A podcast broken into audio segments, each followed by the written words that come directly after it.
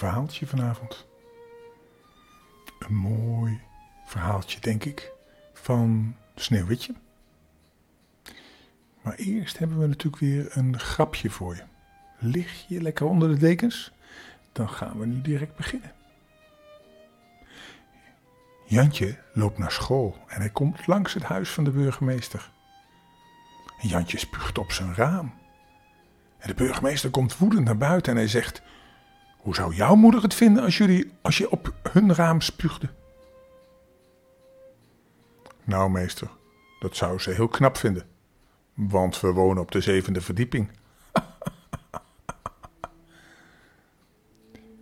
en weet je,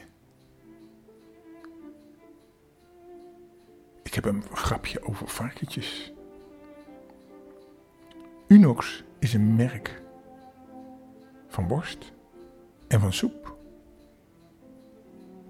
En er zitten twee varkens in de wei. En plotseling zegt het ene varken tegen de ander: Knor. En het andere varken kijkt hem aan en zegt dan: Nee, Unox. Knor is ook een merk van soep, hè? Dat is wel grappig. Nou, hey, we gaan snel beginnen aan een verhaaltje.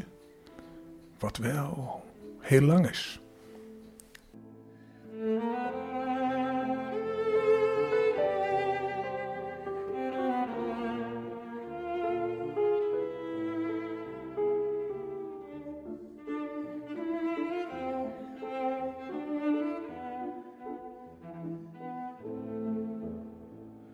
Nou, we beginnen. Sneeuwwitje. Het was in het hartje van de winter. Sneeuwvlokken vielen als veren uit de hemel neer. En er was een koningin en zij zat aan het venster. Het venster was in zwart ebbenhout uitgezet en ze naaide. En terwijl ze zich naaide en opzag naar het sneeuwde, sneeuwen, stak ze zich in haar vinger met een naald. En er viel drie druppels bloed in de sneeuw.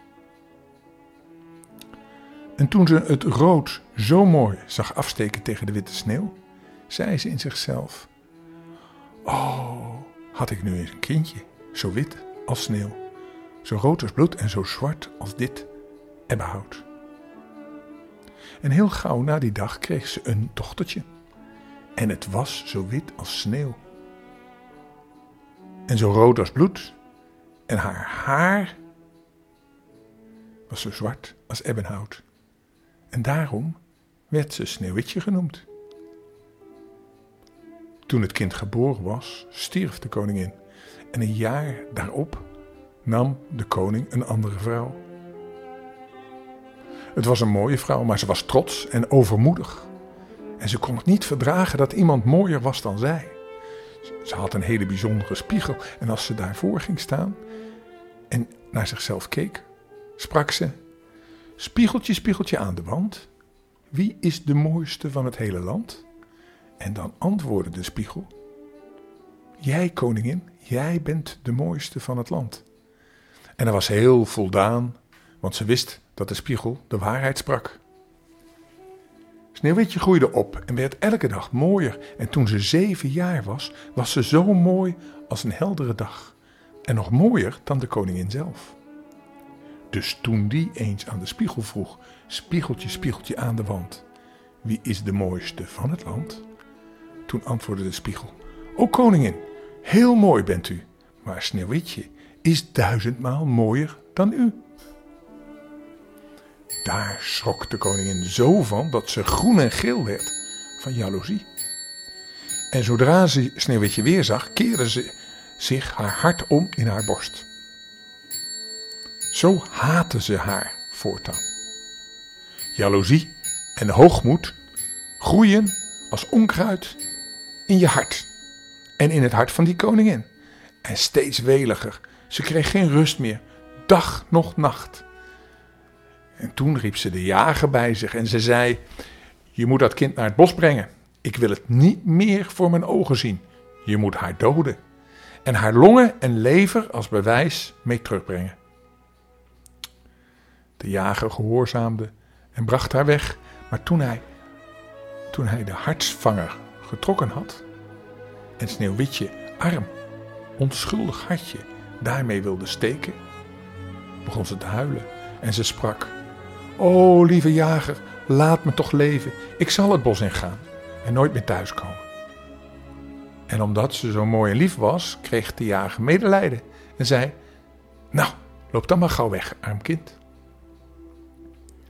De wilde dieren zullen haar weldra verscheuren, dacht hij.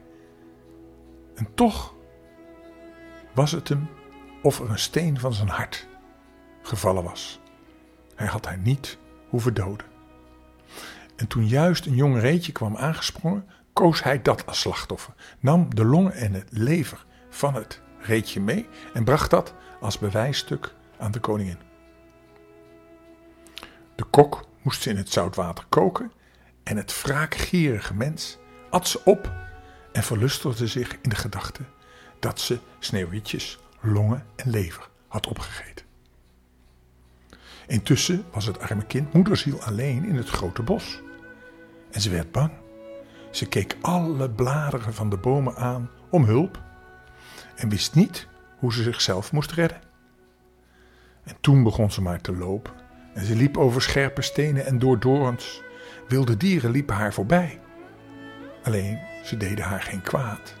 Ze bleef doorlopen, zolang haar voeten maar verder konden. En toen werd het avond. Daar opeens zag ze een klein huisje.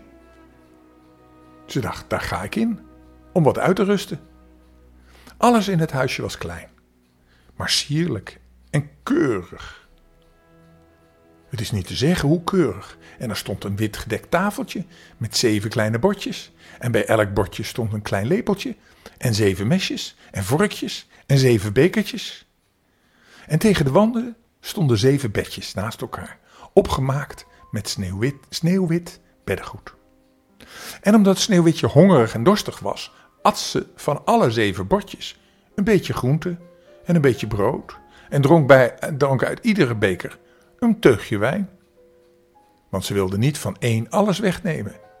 En daarna, ze was zo moe, probeerde ze een van de bedjes. Maar geen van de bedjes paste. De ene was te lang, de andere te kort. Maar eindelijk, het zevende bedje, dat paste. Daarin bleef ze liggen. Ze deed haar gebedje en ze sliep in. Toen het helemaal donker geworden was, kwamen de heren des huizes thuis. En dat waren zeven dwergen. Ze hakten in de bergen naar erts en ze maakten ertsgroeven. Ze staken hun zeven kaarsjes aan. En omdat het nu helemaal licht in huis werd, zagen ze dat er iemand geweest was. Want het stond niet helemaal precies zoals ze het hadden verlaten. De eerste zei: Wie heeft er op een stoeltje gezeten?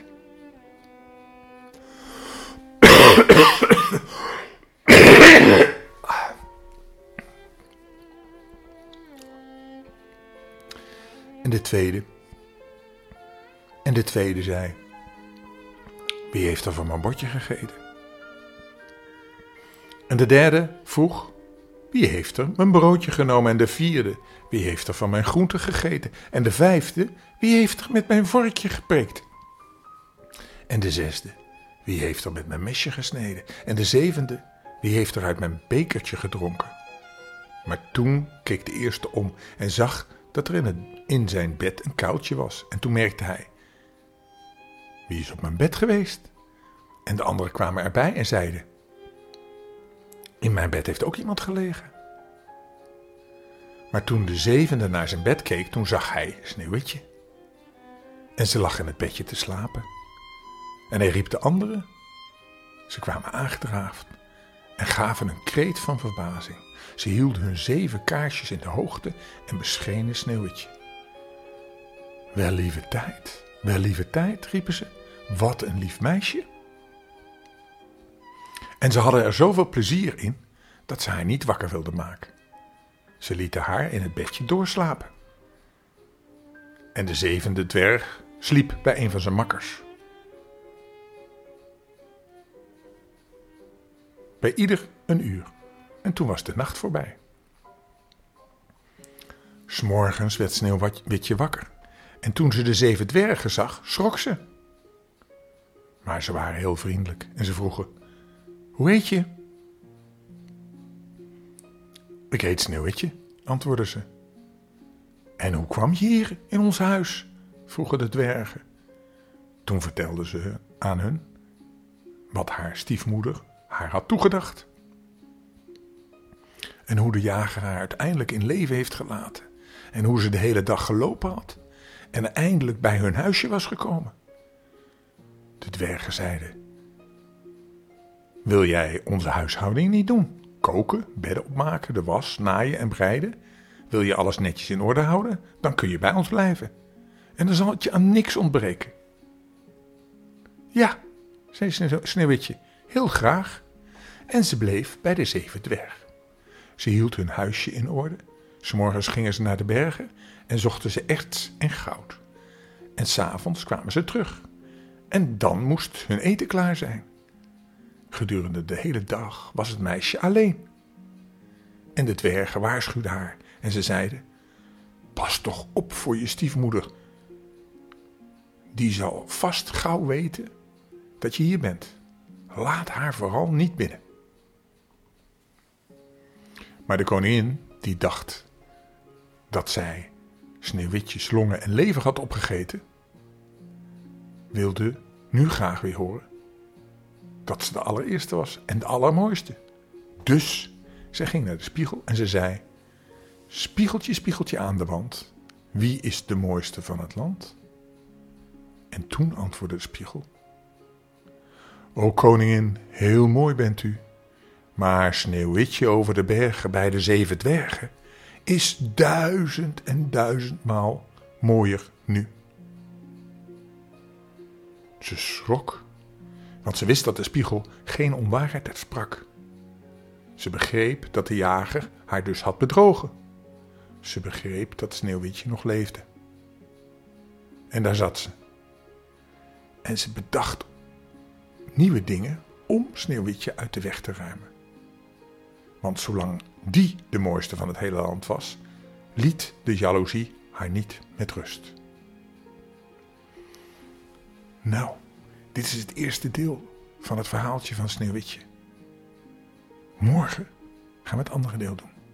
En intussen ga jij lekker slapen en dromen van Sneeuwwitje met de zeven dwergen in een heel mooi bedje, wit.